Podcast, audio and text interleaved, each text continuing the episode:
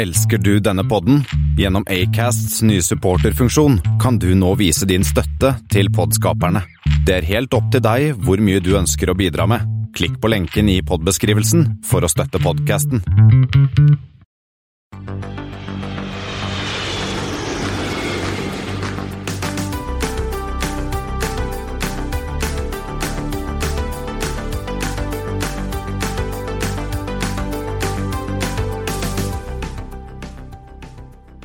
Hei og velkommen til Flypoddens flight 156.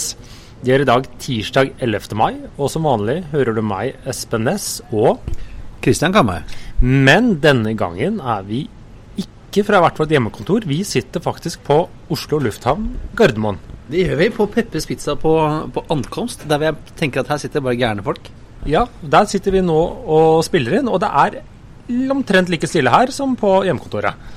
Ja, det, er en dame som går rundt her og vasker litt, men uh, ellers er det lite folk. Ja. Vi har uh, vært og pratet litt med Martin Langås, men det får dere vente med til neste uke å høre om. Men vi har for det et veldig spennende intervju med Gaute Riise fra Avinor. Ja, som snakker om uh, utvikling i passasjertrafikk. Og så snakker vi med Martin, som kommer neste uke, da, om frakt og prakt og Og alt sånt. Ja. Uh, men før den tid, jeg har to flighter i deg. Bare uken. to? Bare to, ja. Jeg skal forklare det etterpå, hvorfor det bare er to. Ja, ok, kjør.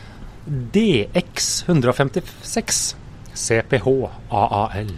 Og DAT, uh, Danish Transport, København til Aalborg, da. Ja. Gå med en ATR. Stort sett 72, og iblant 42.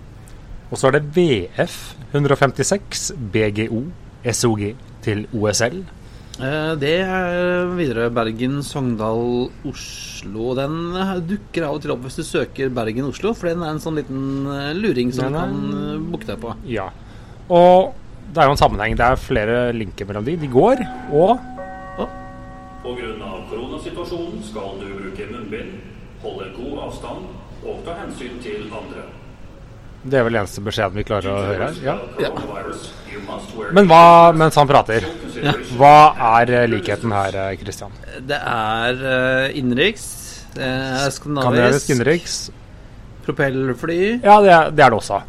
Og så tenkte man liksom uh, Så lette jeg etter da, om det var en SK 156, men den ser det klarte å søke opp veldig gammelt av. Så gikk det en mellom eh, Stockholm og Göteborg, men den har jo ikke gått på mange, mange mange år. Så det var bare noe sånn Men det fantes en. Det fantes en, eh, i hvert fall en i 1989, når SAS hadde 20 daglige Göteborg-Stockholm. Og, fant, og der var det noe annet gøy òg du fant. Ja, Jeg fant fire ukentlige fløy de med DC-10-er der, ifølge den rutetabellen fra 1989 som jeg eh, fant. Jeg Men tenker at det var noe sånn post-flight-greier, men eh, kanskje noen vet noe om det? jeg vet ikke. eh, men eh, derfor Det var for dagens 156 uh, flighter. Og så, Vi var jo så vidt innom Vi hadde en Tuplev 156 forrige uke. Det vil si det var jo bare en avart av Tuplev 155, som var en avart av Tuplev 154, som var et rent testfly. Men vi har jo en litt rar særing. Martin 156. Det er din, dette er din gate eller din brygge, Christian. Ja, for Martin, det er jo det som i dag er den ene halvparten av Lockheed Martin. Bygde jo på 30-tallet flybåter. Kjent for sånne, denne um, Asia China-klipperen som de bydde for, um, for Pan Am, en Martin 130. Og så hadde de eh, Martin da lagd en eh, litt større versjon. Eh, og eh, jeg les, altså, eh, Fokker 50, Espen, den heter 50 fordi den hadde 50 seter. Og Fokker 100 da hadde 100 seter. ja. Eh, mens Martin de kalte opp modellnumrene sine etter hvor, bred, altså hvor stort vingespenn det var. Så den var 156 Fot. fot. Ja, stemmer. Eh, og da ble en, en, en giant flying boat. Eh, på størrelse med en 737-200 ca. Ja. Men dette var jo et litt spesielt Ja, For det første var det ikke lagd mange av dem, og så fløy den kanskje ikke i USA. nei, for den var lagd uh, egentlig til Pan Am uh, for en litt større versjon av den 130.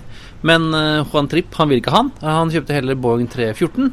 Eh, og da satt Martin der da, med en maskin de hadde bygd, og eh, visste ikke hva de skulle gjøre med den. Uh, så de solgte den til Sovjetunionen. Faktisk. Ikke bare det ene flyet de bygde, men også eh, tegningene og rettigheten til å bygge den her på lisens. Så det var planen. Uh, at de Så skulle kom det noe i veien. Ja, altså den, de, den ble jo da levert til Aeroflot, første maskin i 1940. Eh, og så kom jo eh, Ja, så kom jo Hitler da i 1941 og ødela litt sånn planen. Planen var jo å masseprodusere den her i Sovjet, men det ble ikke noe. Den ble den ene som fløy opp og ned i eh, sovjetisk øst... uh, hva heter det for noe? Far, Fjernøsten. Ja, Fjernøsten. Ja. Kamsjakta og Ja, holdt på, da fløy der til 44 da den ene ble hogd opp. Så det var som ikke noe stor suksess fra, fra Martin-gutta, dette. Men en flybåt. Koselig det, uansett. Ja. Ja. Og fra flybåter på 40-tallet til eh, flyvende fly på 2020-tallet. Ja, det var Vi skal jo da nok en gang innom Norwegian. De har jo hatt en ørliten rekonstruksjon som vi har egentlig fulgt ganske tett. Så forrige uke så kunne man da begynne å tegne aksjer i denne eh, emisjonen. Og innen halvtimen var gått, så kom pressemeldingen at den er overtegnet og pengene er i boks. Ja, og det, altså det er nok av penger i markedet for, eh, for flyaksjer, i hvert fall. Ja, det er sikkert. Så hvis man har en fin powerpoint-prestasjon og ønsker å starte flyselskap, så er det i hvert fall ikke noe problem å få finansieringen i boks. Men det er bra for Norwegian. Da virker de være klare for når trafikken skal starte opp igjen, som et eh, nytt og bedre selskap med langt mindre gjeld og satse på sluttregiproduksjon i Europa og Skandinavia da primært, som er jo det de kan. Ja, det er veldig, nok veldig smart. Og jeg, og jeg så noen som, eh, som prøvde seg på en sånn kritikk av Geir Karlsen fordi at han hadde fått eh, bonus, men herregud, den mannen er jo verdt penga sine. Han har reddet Norwegian. Ja, altså den jobben han har gjort, eh, og teamet rundt, da, med finansieringen og få på plass og, og rekonstruering og alt sånn, eh, nå står jo fremstår Norwegian som et rimelig mye mer leant Ja. eh, selskap med eh, bra med penger i banken. Bra med penger i banken, relativt lite gjeld, eh, er egentlig klar for å, for å starte opp. Nå må bare grenser og reiseråd eh, åpnes, dvs. Si vaksiner må rulles ut. og Det er det man venter på, egentlig, alle sammen. Men det tar oss glidende elegant over til neste gang, for de har jo da egentlig fått kanskje en ny konkurrent. Eller det er jo ikke et nytt selskap. Mye melding til ja. Og det, det, den var den var den gode gamle. Og det hadde jeg helt glemt, at når jeg er ute og reiser, så kan jeg ikke la den kofferten min stå helt alene. Det var godt jeg ble minnet på. Den hadde jeg ikke hørt på lenge. Nei, eh, men altså eh, I Norge har vi jo fått uh, Wizz Air, som, ut, som, som utfordrer eksisterende. og i Sverige så har vi jo hatt både SAS og Norwegian og bra. Ja. Men nå kommer jaggu meg uh, Ryanair, da. Ja, Forrige uke så annonserte de en base på Arlanda. De har en gang ikke fløyet på Arlanda før. De har jo fløyet til Skavstad Vesterås. Ja. Skavstad, ja. ja. Ja, og de skal etablere to fly der. Eh, til sammen 20 ruter. Så det er jo også en del eh, ruter til andre, si, fra andre huber og sånne ting. Sånn kapasiteten tilsvarer mer enn to fly. Ja, så Noen av de er jo ikke fløyet av den basen, men de flys, flys jo da av den Andre baser. Ja. Det, det er mye Øst-Europa, Polen og Baltikum Mye og eh, Baltikum, Og, og Øst-Europa, Syden. Polen, litt grann Syden. Eh, kapasitet, ikke veldig mye.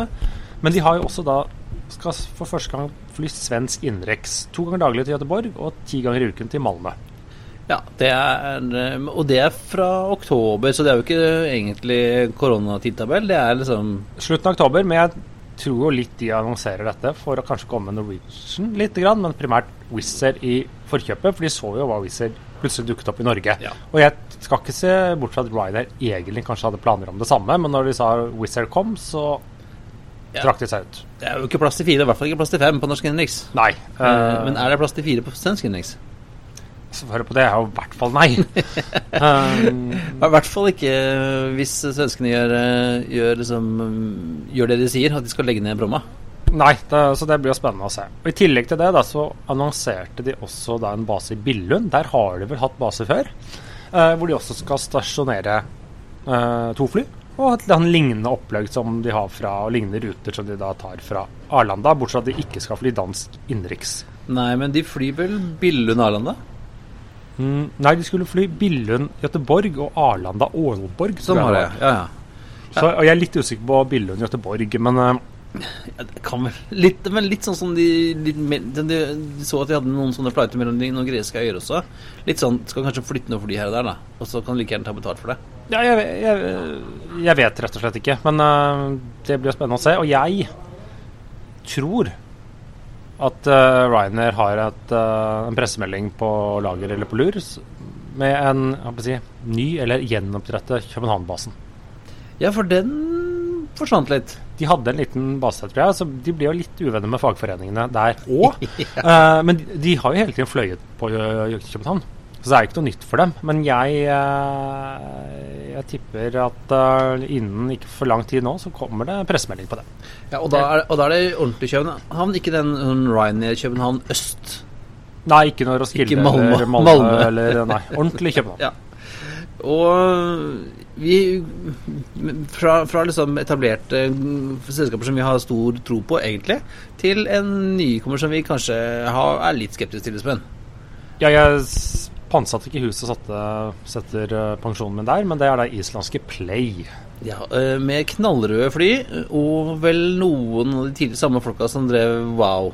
Det er noe, noe av det samme. Kanskje jeg har lært av Wow sine feil. Men de har da tre A321 Neo for hånden. Eh, fly som gikk vel strøyken i Interjet-konkursen i Mexico. Men eh, første fly skal komme i slutten av måneden. De regner med at AOC-en rett, er rett rundt hjørnet. De har også, liksom som både er Flyr og Norse og alle disse nå, har en liksom pay by the hour lease-deal på de første flyene, i hvert fall i starten. Målet er da å starte opp europeiske ruter i slutten av juni. De har ikke formelt sett lansert rutene eller billettene, men det er vel snakk om bl.a. København, Paris, London, Tenerife, tror jeg faktisk. Eh, og da snart legge ut billetter for salg. Og planen er også da ruter til USA i løpet av, eller i starten av 2022. Ja, det vil jeg så er litt seint. eh, for det er vel nå at eh, Island er de få, en av de få landene som tar imot eh, amerikanske turister. Ja, men det er kanskje greit å få et eller annet flyselskap litt opp og stå først. Eh, Kanskje, kanskje, kanskje. Ja, og vi holder oss i lavprissegmentet, Espen, men på helt andre siden av verden. Vi hopper til eh, Japan. Japan Airlines de, Har jo noen lavprisselskaper. de har flere lavprisselskaper fra før, og nå har de funnet ut vi vil ha et til. Ja, hvem trenger ikke det? Hvem trenger ikke det i disse tider? Så de kjøper da Spring Airlines Japan. Uh, og dette er jo en liksom offshoot eller avart av kinesiske Spring Airlines. Eh, så da øker de sin eierandel der fra 5 til 50% slik at det blir et datterselskap. Eh, og overtar da uh, ja, uh, styringen. Mens Spring Airlines det er jo et kinesisk lavprisselskap som jeg er inne på, og de har jo spesialisert seg på ruter mellom Japan og Kina, og har et sterkt varemerke egentlig i, i Kina. Hovedbase på Narita. Der vil de fortsette å operere side om side med andre sånne lappeselskapene til JAL, sånn som Zipair og Jetstar Japan og, og sånne ting som de eier. Ja, og da blir det vel fo stort fo fokus først og fremst på Kina-trafikk fra Japan. Ja, det er for oss fly inn kinesiske turister til, eh, til Japan. Ja. Eh, og så eh, avslutter vi dagens eh, aktuelt runde med en, en liten raring, Espen. Ja, En ny svensk hvem hadde trodd at Erdolomiti skal åpne en rute til Kalmar og Rønneby? Nei, altså Erdolomiti, eh, som er Lufthansas italienske datterselskap. Ja, og som bl.a. har fløyet på Lufthansas vegne mellom München og Oslo litt nå under pandemitiden. De Flyr Embra 195. fem, ja. ja. De starter da en rute som trekantrute Frankfurt, Kalmar, Rønneby. Tilbake til Frankfurt. Eh, fra september. Her tror jeg det er noe lokal sponsing for å få ruter til en hub, altså. Fra Kalmar og Rønneby kommuner. For det er vel ikke helt Altså Når man sitter og planlegger ruter, så er det ikke, er det som ikke Rønneby og Kalmar som spretter opp på kartet at dette er en underserved rute som vi må kjøre på. Nei, og den er nok koordinert med Lufthansa. Men eh, det er litt verre å merke at dette opereres av Air Dolomiti selv. Ja, på, og på Air Dolomiti flight nummer, ikke LH flight nummer. Nei, ikke, det er sikkert coacher med Lufthansa, men det betyr at du, det er ikke en del av Star Alliance-systemet og sånne ting. For jeg har fløyet Air Dolomiti både som uh, Lufthansa operator by Air Dolomiti, og som Air Dolomiti alene. Og det er forskjellen at med operated for Lufthansa så får du bl.a. eurobonuspoeng. Mens når du flyr med bare Air Dolomiti, for de er jo ikke med i Star Alliance, selv om de er 100 eid av Lufthansa, så får du ikke det. Nei. Og sikkert ikke noe lounge eller noen ting der i Frankfurt hvis du flyr. Nei, jeg Kalmar. tror det faktisk, for de er, de er en del av Lufthansa. Group, Ja, ja. Nei, øh, jeg tror også at her har noen eh, lokale eh, næringsforeninger i Kalmar og Rønneby gått sammen og, og putta noen penger i et eller annet system. Ja, det, Det må være sånn. Det gir jo ingen mening. Og, men svensken har jo hatt flere eksempler på det fra disse regionale. Flyplassene. KLM hadde noen greier Ja. Og, hvor de har sponset, og, og Lufthansa, var det BMI som fløy fra Lufthansa for noe sånn Jönköping, Ja, Frankfurt sånt ja. eller et eller annet sånt. Og, det har vel stort sett aldri helt helt funket, altså, tror jeg. Vi ønsker Dolomiti lykke til. Ja, ja, absolutt. Det, er, det, er, det er veldig fint flyselskap. Det er hyggelig. Det er Lufthansa med litt italiensk swing. Ja, men eh, vi har ikke sett dem Vi, vi får se da om, om eh, disse her eh, ruteutviklerne på Gardermoen klarer å skaffe Dolomiti hit. Ja, og det tar jo også om da til denne ukens hovedtema. Det er jo da Hvem er det vi har pratet med, Christian? Vi har pratet med Gaute Riise i Avinor. Han er vel sjef for ruteutvikling. Det stemmer. Vi, for uh, drøye to år siden så pratet vi jo med hans forgjenger Jasper Sprøyt, Ja. som da om litt om hvordan drive ruteutvikling i gode tider. Nå er det ikke fullt så gode tider, så det er jo interessant å se hva han hadde å si om dagens situasjon og om framtiden. Ja, Vi går over til eh, det klippet, da.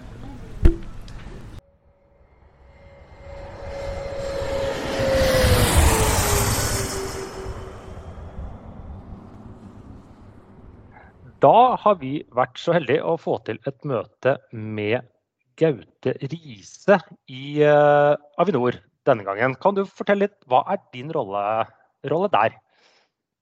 Ja, eh, takk skal du ha først og fremst for å få være med i denne runden her med Flypodden. Eh, min rolle er at jeg, leder trafikkutvikling i Avinor. Trafikkutvikling gjør litt forskjellige ting. Eh, men en av områdene vi har, har ansvar for, er kundekontakten og forretningsutvikling mot flyselskapene. Så vi har en, et KAM-team som, som jobber eh, tett med flyselskapene, som både opererer og som kanskje i fremtiden vil operere eh, hos oss. Eh, og så har vi også et eh, veldig sterkt analyseteam, eh, som også er en del av trafikkutvikling, som, eh, som ser på hvordan er det trafikken kommer til å utvikle seg fremover. Eh, når er vi ute av pandemien f.eks.? Når kommer utenlandstrafikken tilbake? Og når er vi tilbake igjen eh, til 2019? Og de kanskje vil også undersøke, i hvert fall i normale år, litt sånn trafikkstrømmer og hvor er det folk fra Norge reiser? Ja, de, de, de, prøver å følge med på det og, og se litt ok, hva er trendene. Eh, hvor har de reist historisk, hvor tror vi at vi kommer til å reise fremover eh, i større grad. Så, og nå, nå er det jo det litt, litt, litt ekstra krevende i disse tider eh, ved å prøve å forutsi eh, hvor er det vi skal fly i fremtiden. Eh, men man, det er klart det finnes jo en del indikasjoner der ute som, som, som sier noe. da. Ja, for, det, eh, for de lytterne hos oss som kan huske fra vår eh, flight 47, da pratet jo med, vi med din forgjenger Jasper Sprøyt om hvordan det var å drive litt ruteutvikling i eh, hva skal jeg kalle det, the good old times. I gamle, dager, sånn halvannet år siden. Ja. Og, og ting har jo endret seg lite siden den gangen. Så hva er liksom ja, Hvordan er det egentlig å drive ruteutvikling under en pandemi, når alt er jo lukket ned? Man skjønner jo at dere ikke reiser rundt, men hva Kan du fortelle litt om hvordan jobber man da? Ja, altså For det første så har vi jo, uh, har vi jo blitt uh, veldig tålmodige. da, I forhold til å, å lært oss å resette forventningene gjentatte ganger i forhold til når, det, når vi skal kunne begynne å operere som normalt, og også snakke med flyselskapene som normalt. For det er klart, eh, når vi nå, altså Gjennom pandemien så har vi hatt eh, god kontakt med, med selskapene som opererer hos oss. eh, hovedsakelig, og Det er jo det som har vært hovedfokus. da, på en måte å eh, drive og opprettholde dialogen og informere dem om utviklingen. Både sånn pandemimessig og utsiktene i forhold til hva vi forventer fremover av markedet. Eh, og, og, kanskje vi, fra, fra drei, dreining fra på en måte å se, se muligheter på, på nye ruter, så har det vært mer sånn ok, hvordan er det vi, vi skal komme tilbake og få tilbake en del av de rutene som nå har forsvunnet. eh, som har blitt tatt et enda større fokus. Eh, så ja. Ja, for du har jo mista noen ruter. Det har kommet ikke så mange nye ruter til, men det har forsvunnet ganske mange både ruter og operatører siste året. Jeg har det. Så det, det er jo et, et fåtall igjen. Altså det, antall ruter så Nå husker jeg ikke helt på stående fot, men fra Avinor generelt så har det jo ligget på rundt en 300 ruter, tror jeg, totalt. Eh, Så har vi vært eh, nede i godt under 100 eh, fra hele, hele Avinor-systemet. Så det har vært en, en kjempestor reduksjon der. og det men, men sånn, i forhold til dette med mot flyselskapet, så er kanskje det som er mest krevende også, og som har endret mest, det er på en måte denne planleggingshorisonten. Normalt så sitter flyselskapene og ser eh, seks måneder, tolv måneder, 24 måneder frem i tid. Nå sitter man sett to til fire uker frem eh, og planlegger hva skal vi gjøre neste måned. Eh, og det, er det, det har kanskje vært det mest, den største endringen. Da, at vårt fokus også har blitt skiftet fra Vi prøver fortsatt å se langt frem, men vi ser også mye, har et mye mer sånn kortsiktig perspektiv. Da. Ja, for det, det, var litt sånn som vi har blitt forklart tidligere, er jo at ruteutvikling, spesielt på langruter, det er en prosess som kan typisk ta fem år hvis det hele tatt eh, blir noe av. Ehm, så er det mer som at møtes man i døra nå, vi får prates til neste år, og så er det liksom det som skjer den. Sånn at egentlig alt fokus nå er på det kortsiktige for å liksom, skal det si, reselge ruter. Eh, liksom hvor, hvor, dere tror da, at dere kan skaffe nok passasjerer til at selskap X eller Y kommer tilbake. Så det er klart at største av fokuset er på en måte eh, Når markedet begynner å gå tilbake, så tror vi at disse rutene her er de som kommer. Eh, kommer ikke sant? Og det, at man har et fokus på hva er det, hva er det på kort sikt som vi, vi, vil få dere inn på. Men vi har også en del langsiktige diskusjoner med, med selskaper i forhold til, eh, til, til, hva som kan være nyttig. F.eks. på longhold-siden, eller hva som kan realiseres på litt lengre sikt. Altså neste år, etter osv. For, for å holde, holde den dialogen og, og, og det mulighetsrommet åpent. Så det er ikke noe vi kun ser eh, på kort sikt, men det er klart det er det som er mest relevant akkurat nå. For nå er vi jo nede på et bunnivå. Det er et fåtall operatører, et fåtall ruter. og det, det er jo egentlig bare én vei, eh, vei herfra, og det, det er jo oppover fra, fra den. Ja, og så tar jo litt tid når man skal eh, planlegge en ny rute. Man, I gamle dager så skulle man gjerne ha det et år, et år på forveien for å selge også. Men jeg tipper at nå, vi har snakket mye om denne ketsjup-effekten. Mm. Så den dagen vi kan reise igjen, vi kan begynne å reise på oss, så er det litt sånn derre all, all, bets are off. For det er jo både førstemann, nesten sånn førstemann til mølla. Er dere liksom klare for når det kommer liksom 17 operatører som skal begynne å fly på Oslo til neste uke? Er er dere klare for det, eller? Om vi er klare for det neste uke, det, det er et ganske Nei, men altså på, på veldig kort sikt, da. Jeg, jeg, skjønner hva du mener. Og, og det, det, på en måte betinger en del endringer i, eh, i uh, innreiserestriksjoner, f.eks. For fordi akkurat nå så er det noen heftige dokumentasjonskrav. og, og sånn, alle, alle, som kommer inn i landet, må jo gjennom en grensekontroll og sjekke 15 papirer. og De skal spørre hva du har gjort, og skal du i karantenehotell eller ikke. Og så blir det sikkert litt kranglinger og, og sånn der. Så, så, så, akkurat nå så har vi ikke kapasitet til å ta imot akkurat noe mer. Nei, det er mer, er mer sånn den, den dagen hvor, hvor, det åpner seg, da. Eh, ja. Vi har jo sett liksom, det siste året at, at, ting kan endre seg ganske fort. Plutselig så står eh, Bent Høie der på fredag og sier at eh, på, på mandag er det åpent, da kan alle komme til Norge. Mm. Uh, og da er det sånn uh, Hvem har uh, fly stående? Alle har fly stående. Hvem er sånn raskest å få de, de flya i lufta, da? Jeg, jeg, tror, eh, altså jeg har merket at flere av flyselskapene nå på en måte begynner å rigge seg for, for, å kunne ta veksten når den kommer. Fordi Man vet ikke helt når den kommer. Den kan komme om eh, en måned, den kan komme om to eller tre eller fire. Eh, når, når den kommer, så kommer den og, og, da, og, da, og da sannsynligvis så kommer den nok ganske raskt hvis det åpnes på en måte ganske bredt med en gang. da. Så det er spørsmålet hvor, hvor, hvor, raskt er de åpne? Gjør de det gradvis, eller vil de, eh, hvordan vil det skje? Men jeg tror jo selskapene er selvfølgelig, de, de, er, de er klare som et egg til å komme, komme, komme seg inn i markedet igjen og, og, åpne ruter. Så det er klart, Nå har ikke de solgt noen billetter, eh, noen særlige billetter, tipper jeg. Så det er vel mer begrenset det. Men, men, så det vil jo ha en viss lid. Men la oss si i løpet av noen uker så tror jeg man fort kan få opp kapasiteten ganske bra hvis det åpnes, eh, åpnes bredt opp i, i samfunnet. Ja, eventuelt også man til enkeltdestinasjoner, som blant så i påsken var det i Tyskland som åpnet opp for, uh, for Mallorca, hvor det plutselig bare satte av gårde 70 fly på vei fra Tyskland dit på sånn mm. Mm. Ja, det, og det, og sånn, eh, og det, er ikke sannsynlig det at man får la oss si, ett marked. Altså de åpner Spania eller de åpner Hellas. Og Da er det klart, da vil jo flyselskapene konsentrere sin kapasitet inn der, den tilgjengelige utenlandskapasiteten de har der, og selge det de kan av billetter. Og Jeg tror jo jeg tror absolutt at den norske befolkningen er eh, mer enn klare for å kaste seg over en sydentur i disse dager. Så når Albania er åpne førstemann, så skal alle til Tirana? ja, ikke sant. Det er ikke umulig. Selv om eh, det, Albania blir også tredjeland, som gjør det, gjør det noe mer komplisert. Men, men, det er vel sånn nå at, at uh, Vi har jo sett det i andre markeder også, at i og med at uh, mye av trafikken har forsvunnet, så åpner det seg for muligheter til nye, nye aktører. Det vil være jeg sier gamle dager, da. Hvis du sier For 18 måneder siden så vil det være vanskelig for en ny aktør å komme seg inn på norske innenriksmarkeder f.eks. Eh, eller helt tatt på norske markeder hvor SAS og Norwegian har vært såpass, såpass dominerende. Nå er det jo litt sånn litt mer åpent, da. Kan du, det kan du, sikkert ikke, du kan ikke nevne navn, men er det sånn at uh, aktører er ute og snuser?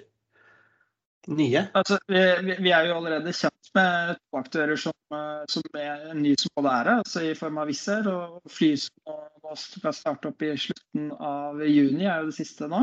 Uh, og det, og det, er klart det, De ville jo ikke kommet, eller om de ville kommet, det, det er vanskelig å si. Men de, de, har nok sett en mulighet. da, At nå er markedet nede, det nullstilles litt. Og så, så prøver de seg. Eh, så vil tiden vise hvordan eh, dette, dette lykkes, både for de selskapene for de andre selskapene som er i markedet. Men kan du si litt hvordan det si, påvirker deres arbeid? Eh, alle skjønner jo dere er jo en nøytral aktør og skal skal skape trafikk. Men er, er, det litt sånn Oi, hva skjedde nå? Eller er det mer sånn ja, Oi, det var hyggelig, da løste vi et problem, eller? ja. Ja, altså Akkurat nå så har det ikke vært noe trafikk, ikke sant? Så det, så det har ikke vært noen problemer å løse, fordi trafikken har ikke vært der. Eh, men, eh, men, for oss så er det klart vi, Eh, vi, vi møter, jo, møter, jo, selskapene, tar, tar, jo, tar, jo, og følger dem opp så fort vi, eh, så fort vi får, får, vite om dette. Så snakker med dem og prøver å forstå hva de tenker om markedet og hvordan de tenker å utvikle seg. Og, og sånt. Så det, det, I utgangspunktet så er det jo litt, litt, business as usual for oss. Bare at det, det har vært litt eksepsjonelt akkurat i det siste med, med nystartinger og inntog på, på det norske markedet. Hvordan påvirker det dere at den største aktøren på longhold på Oslo er, er borte? Ja, det, det, er klart det er jo det er, det er, ikke noe positivt eh, for oss, det. Eh, vi står bl.a. klar med en utvidelse av vår non-Schengen-terminal på OSL eh, til neste år. Ja, der blir det god plass. Det, ja, alle, det, er, det er jo ikke noe hemmelighet at der skulle det kanskje i hvert fall hver dag være to til tre Dreamlinere med rød snute som egentlig kanskje skulle fløyet derfra?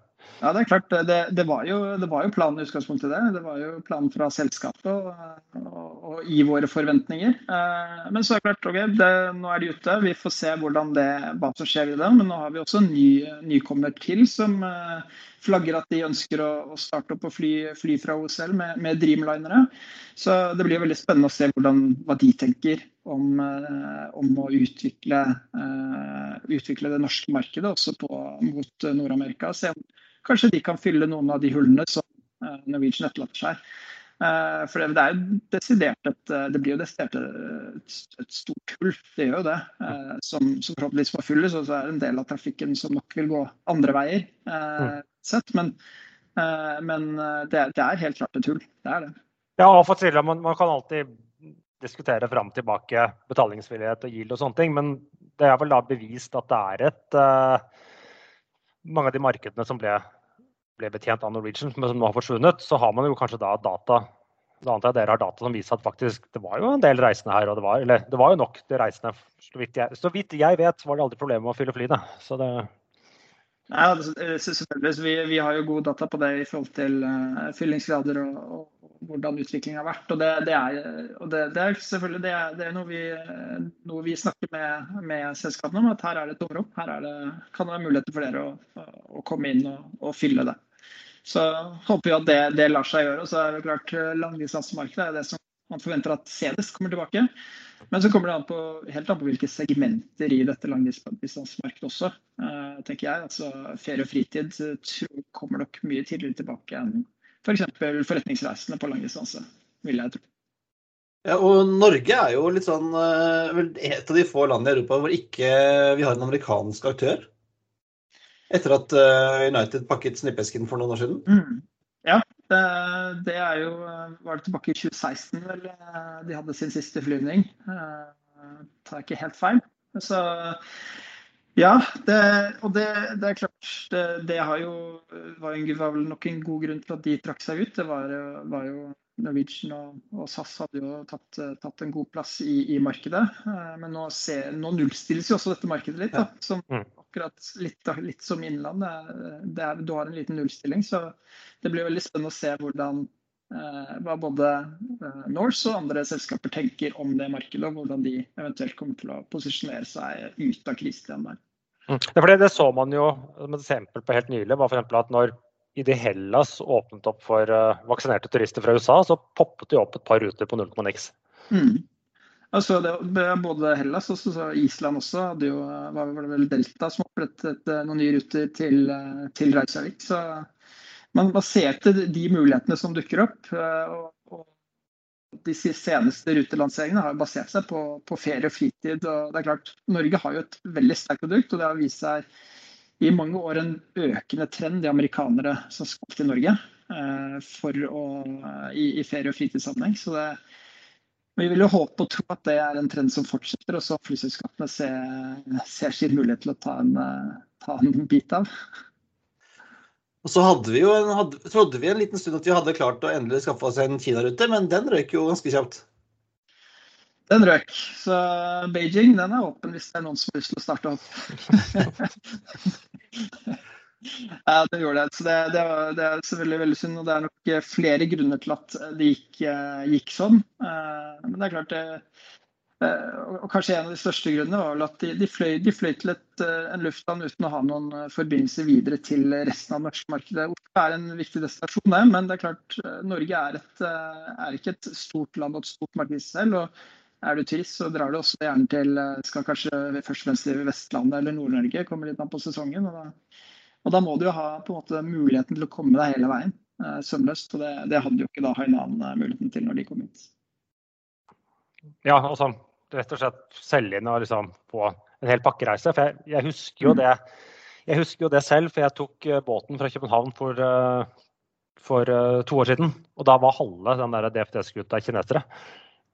Så vi, vi, vi, hører, vi, hører, rykter om det, for å si det sånn. Og det, det er jo det de, de, fleste innen reiselivet sier. At uh, de, de kommer inn på andre lufthavner uh, utenfor uh, Norge. Kommer via busser, båter, som du sier, osv. Og, så og, og, drar, og bruker mesteparten av tiden sin i Norge. Og bruker litt tid utenfor Norge. Så det, og I utgangspunktet så har jo Norge hele pakken. Så eh, vi har en eh, sjarmerende storby. Eh, vi har fjorder, vi har fjell. Vi har egentlig alt de ønsker seg. Så er, jeg tror det er håp om å klare å uh, få til noe mer på det området i, i fremtiden også. Høres ut som salgspitchen din når du er ute og snakker med flyselskapene, Gaute. Og ikke bare det, fru. Vi har også Nordmarka. Det er klart, det. Så du er blitt en, en god salgsrepresentant for uh, Norge som merkevare, eller? Altså, det, altså, vi må jo bruke Norge for det det er verdt. Eh, det er klart det, når, vi, når man snakker med, om muligheter. og Det, altså, det, gjelder, jo, det gjelder jo både på, på mot uh, turistorganisasjoner og turoperatører, men også flyselskapene. på en måte. Det, det, å skape en interesse for det norske markedet og sette det på, på kartet, det er ekstremt viktig. Eh, og det, det, det, gjelder jo ikke bare for flybransjen, det gjelder for hele reiselivet. Og det at reiselivet nå fremover og sånn. Man har jo virkelig fått merke på en måte det bortfallet av de utenlandske turistene. Og det, og det å på en måte fremover ytterligere intensivere det arbeidet med å sette Norge på kartet ute i verden. Eh, det vil være positivt for Norge, Avinor og selvfølgelig både de flyselskapene som er her i dag, og de flyselskapene som ser sin mulighet i fremtiden. Mm. Vi, eh, før pandemien kom og rammet oss, så var det jo en del snakk om at vi burde reise mindre med fly. Og flyskammen har sånn krep, krep, over grensa fra Sverige. Hvordan, hvordan, ser du på det når vi er tilbake i normalen? Vil vi, vil vi noen gang komme tilbake til 2019-tall, for, særlig for forretningstrafikk? da, Eller hvordan regner dere på det? Det er, det, er, et veldig godt spørsmål. og det er jo, eh, Her blir det jo en god del synsing og gjetting. Det la oss kalle kvalifisert gjetting. Eh, vi tror jo at vi kommer tilbake igjen til de samme volumene. Eh, for øyeblikket er våre siste vurderinger også hvor vi også lener oss på TVI, at uh, utenlandsmarkedet er tilbake i 2023 og innenlandsmarkedet er tilbake i, i, løpet av 2024. Så det er klart, hvordan vil trafikksammensetningen være? Det, det heller jo veldig mot at det blir en økende andel av ferie og fritid. Både inn og ut, og innad i, i Norge. Uh, som gjør at uh, måte, ja, du får en litt annen sånn altså Profilen på de reisende kommer til å endre seg litt. Grann, det tror vi. Så Forretningsmarkedet vil nok få, få noe tilbake, tilbake, i gang. Men hvor mye er jo veldig vanskelig å si. Men det er en del signaler der ute som, som, sier at det blir en reduksjon. Så er det også andre som mener at nei, det, dette kommer, kommer, til å gå som før. Så det er litt sånn Eh, men, en ting er sikkert i hvert fall, det er at eh, hoved, eh, hoveddelen av veksten kommer til å komme fra ferie- og fritidssegmentet i, i, tiden fremover. Både inn og ut. Spesielt inn. Men uh, før vi, vi, velger å avslutte, så har vi tre faste spørsmål som vi stiller våre um, gjester. Så det første er jo hvis du skulle velge en favorittflyplass, hva er den? Ja, nå, nå, er jeg litt bias. ja, det for, det, for, det, for det første så, så ble jeg i Avinor. og for det andre så er jeg tidligere Widerøe-pilot. Uh, og uh, jeg har fløyet på de fleste av lufthavnene uh, i Avinor-systemet, og det er jo én som utmerker seg som en sånn Litt pga. innflyvning og hvordan den, den, den, er lokalisert. og Det er den som ligger eh, rett ved siden av Nordkapp, altså Honningsvåg. Veldig spesiell flyplass. Veldig spesiell flyplass å fly inn til. Eh, men jeg syns den er den som sitter og, og merker meg mest best uh, som en av mine favoritter på, på godt og vondt. Men jeg tenker mer som en passasjer, for altså, Honningsvåg har jo ikke verdens beste fasiliteter, da, kan man si. Nei, det, det, kan du godt, det kan du godt si. Og hvis man skal si fasiliteter og eh, skal jeg driste oss å gå utenfor Avinor, så, så, så, tror jeg nok jeg heller mot, uh, mot Shanghai, faktisk. Det, var, uh, det, er en fantastisk opplevelse uh, å være der. og det med de mulighetene med alt fra de, hvordan de dekorerer flyplassen innvendig og til mulighetene for både shopping og velvære, det er helt fenomenalt. Det er en attraksjon i seg selv. Det er din favoritt òg, ikke Espen? Ja, det var det jeg svarte når, du, når, vi kjørte den testen på meg i starten. Så det, det, var, det var, litt det samme. Og så er det jo et enkelt spørsmål. Vindu eller midtgang? Det er helt klart vindu. Alltid vindu. Eh, og siste spørsmål. Hvis du skulle velge deg én destinasjon å reise til resten av livet, hvilken er det? Oi. Ja, det var nok et godt spørsmål. Uh, jeg tenker jeg, jeg, er glad i sol og varme. Uh, jeg er glad i et godt klima. og jeg har en Selv om jeg kun har vært der én gang, så har jeg en forkjærlighet for Australia og vestkysten. så jeg tror jeg ville dratt, dratt til, til, vestkysten i Perth og området der. hvis jeg skulle valgt ett sted jeg skulle dra i Australia. Bra. Eh, da satser vi på at det blir en rute til, eh, til Australia snart òg, eller? Ja, ultra long range, det, det er jo i vinden, det, så hvorfor ikke? Perth Oslo har du allerede i dag fly som kan klares, så det kommer seg til Heathrow. Og da klarer Oslo òg, vet du. Så det, det er bare å ringe Kantas og spørre om de kan sende en Dreamliner. Så. Vi, vi jobber hardt med saken. eh, Gaute, tusen, tusen takk for at du eh, var vår gjest i dag og fortalte litt om hvordan vi jobber med uteplanlegging, så håper jeg at dere får uh, enda, mer, enda, mer, å gjøre i tiden framover. Mm. Jo, takk skal du ha. Veldig, veldig gøy å være med. vi håper på lysere tider, og det, det, ser ut som de kommer nå. Så det er spørsmål om måneder. ja, det er bra.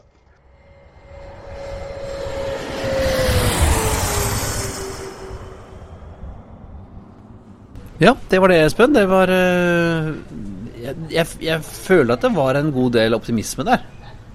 Absolutt. Så jeg tror uh, Så får man se da om uh, hvor mye forsinkelser denne pandemien skaper. Eventuelt hva det åpner opp av nye muligheter av nye aktører, som kanskje kan starte noen spennende ruter herfra. Ja, vi får se. Og så tar vi da neste uke og, og spiller en del dette intervjuet vi har gjort med Morten Langås, som jobber med fraktutvikling. Ja. Da får vi dekket hele spekteret. Og jeg har en liten anbefaling på tampen, Espen. Ok. Eh, gjennom pandemien så har Flight Global, som eh, utgir bl.a. Eh, Airline Business og Flight International-magasinene, hatt en del sånne spennende webinarer. Og vi har jo tatt en kikk på et intervju de gjorde med Steven Udvar Hazy. Ja, For de som ikke vet hvem han er, så er det Mr. Flyleasing himself. Ja, han, han fant vel nesten opp den businessen, tror jeg. Ja, og har tjent grassat med penger. Nok til å donere nok penger til at det er et sånn gigantisk flymuseum ut på, utenfor Dulles uh, i Washington som bærer hans navn. Ja. Uh, og han uh, er jo en fyr som ikke legger fingrene imellom når han snakker om bransjen. ikke har... bare det, og har enorm påvirkningskraft, bl.a. når det kommer til utvikling av nye flymodeller. Ja, og, og, og apropos modeller, Espen, så har han jo en, en god samling med flymodeller på kontoret sitt, som vi ser i dette, intervjuet som han gjorde med Flight Global. Ja, og bl.a. den 757-maskinen til Icelander. Denne Hekla Aurora som er i disse nordlysfargene. Ja, er det hans? Ja, det vet jeg ikke, men han har i hvert fall kjøpt modellen. kjøpt, eller kan ha vel kanskje fått den? Kan, har nok det. Ja. Så uh, vi legger selvfølgelig en link til uh, dette intervjuet med Steven Edvard Hazy, og anbefaler folk til å ta en titt på det når de er ferdig med å høre på oss. Det var det, Espen. Det var det. Ja. Da eh, er det bare å feste setebeltene og ta ned Åssen var det her? var det igjen? Ta ned persiennene. Ta ned persiennene. Det, er så lenge, det er så lenge siden jeg har gjort dette. Det er jo altfor lenge siden vi har Vi må komme oss på tur. Ja, vi fikk tatt på et fly i dag. Eh, vi fikk ikke gått inn i noen. Nei. Nei. Men altså, eh, det var alt for denne gang. Har du eh, spørsmål eh, eller lyst til å invitere oss på et eller annet, eller sponse oss, så sender du oss en mail på hallo.flypodden.no, eller sender oss en melding på Facebook. Og som vanlig ligger og linker til det vi har snakket om i dag, og litt bilder og ting og tang på flypodden.no. Ha det bra. We thank you for flying with us today. We truly appreciate your business and look forward to serving you on a future flight.